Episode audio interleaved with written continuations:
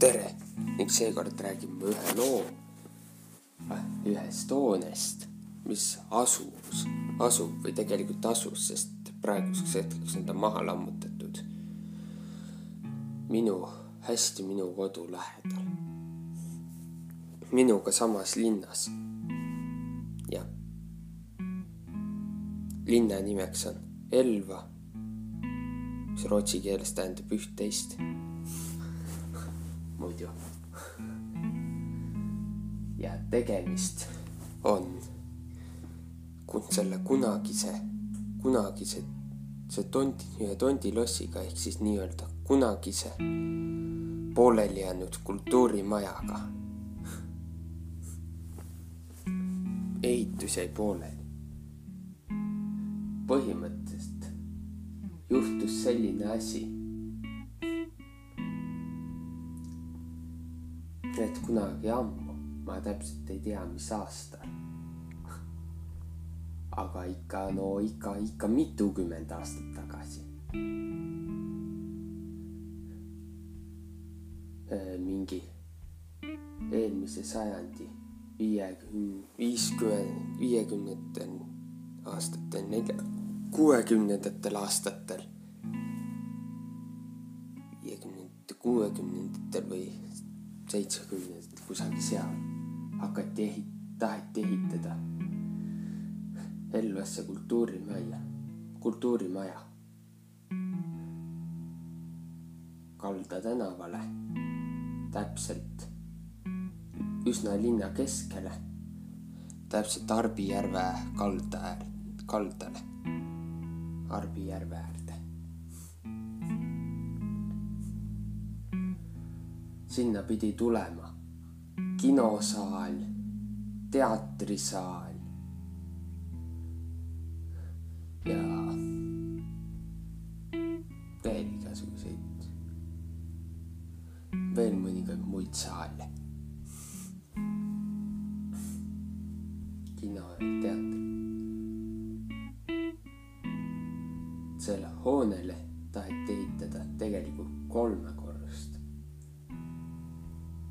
kolmanda korruse ehitamiseni ei jõutuki.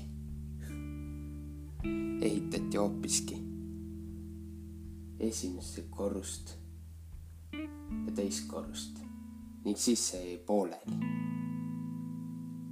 umbes, umbes mõne aasta jooksul. võib-olla kümne aasta pärast jäi see pooleli erinevaid põhjuseid oli selleks. üheks põhjuseks oli rahapuudus. raha peab asja liikuma nagu ikka. kuid teiseks põhjuseks olid seal juhtunud igasugused õnnetused.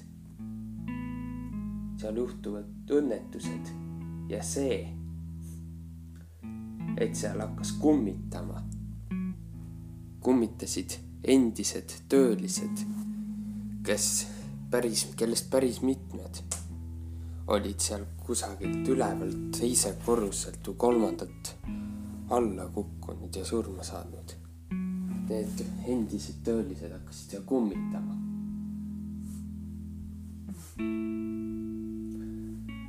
nii.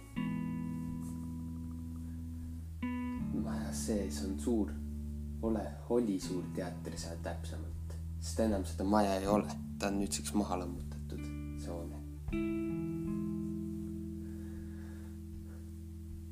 Hiljem, siis kui see pooleli jäi, siis oli see natukene veel linnamaa. siis hakkasid, kuid siis müüs linn see mingisugusele era, eraisikutele maha selle. ja nemad seal olid siis samal ajal, kui see maha, pärast mahamüümist hakkasid sinna kogunema ka igasugused noortepundid.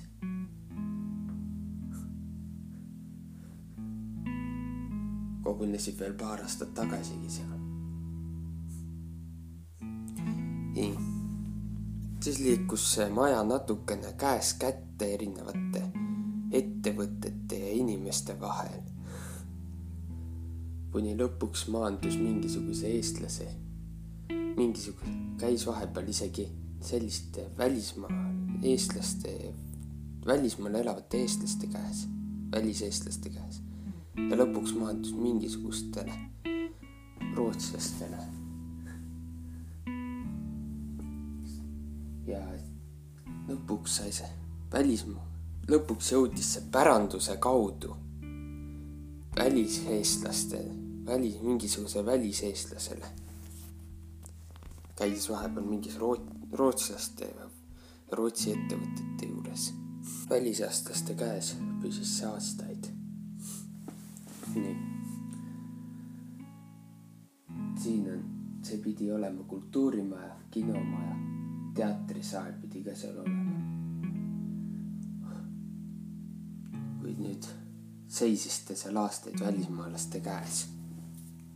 Nii, mõned aastad tagasi ostis linn selle ala, maa-ala koos selle, selle kultuurikeskusega ära välismaalastelt. pärast äraostmist lasti see hoone maha lammutada see suur kultuurimäe. ja tänaseks on seal autode parkla ja muruplats.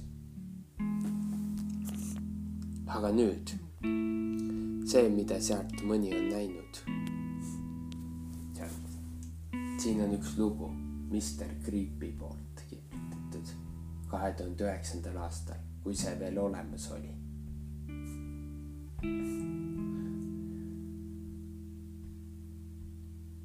see ei saanud valmis, sest ehituse käigus kukkus palju töömi katuseta alla. teiseks probleemiks olevat olnud rahapuudus.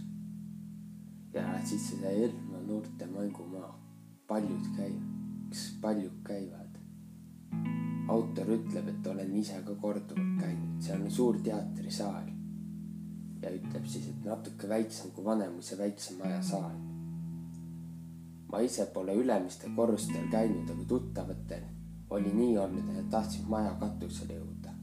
sinna viis pime keerdtrepp ja sulgudes ülevalt paistis natuke valgust. poole trepi peal oleks nagu visatud terav raud alla. ühest poisist möödus see paari sentimeetri kauguselt, vähemalt nii räägiti. poisid jõudsid üles ja loopijat ei olnud. Lugusid imelike asjade kohta, mis on toimunud, on kümneid. seal olevat käinud mingi tüdrukute kamp ja siis üks tüdruk oli kuskilt alla kukkunud ja surma saanud. paljud on näinud seal sees väikest tüdrukut.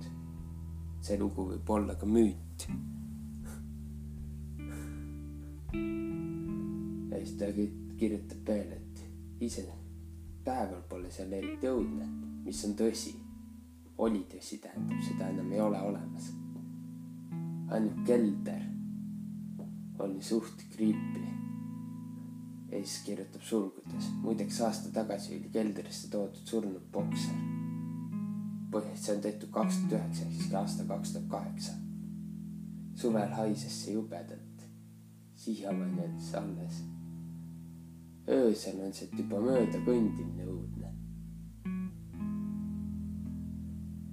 jah, tõsi, siis asub, see asub üsna linna keskel, Kalda tänava ääres. Kalda tänav oli vist aadress selle, sellel kohal.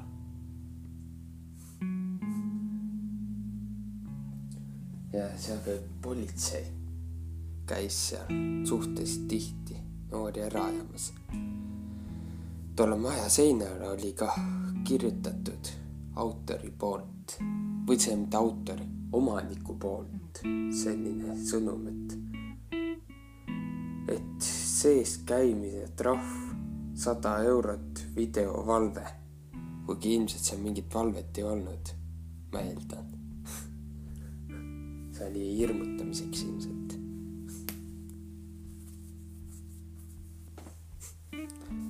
aga enam seda maja olemas, seda Tondi lossi olemas ei ole, see lammutati mõni aasta tagasi maha ja nüüd käivad seal in-, Tondilossi koha peal on muruplats, kus inimesed suve, suvel lihtsalt päevitamas käivad järve kaldal. järve kaldal päevitamas käivad. kahe poolt Tondilossi viib kõnnitee. Kolmanda külje ühest kohast viib Tondilossini ka üks väikene autotee ja see viib seal kõrv, Tondilossi kõrval asuva majani. ega ma ei oska midagi arvata ähm,. ma lõpetan. tšau.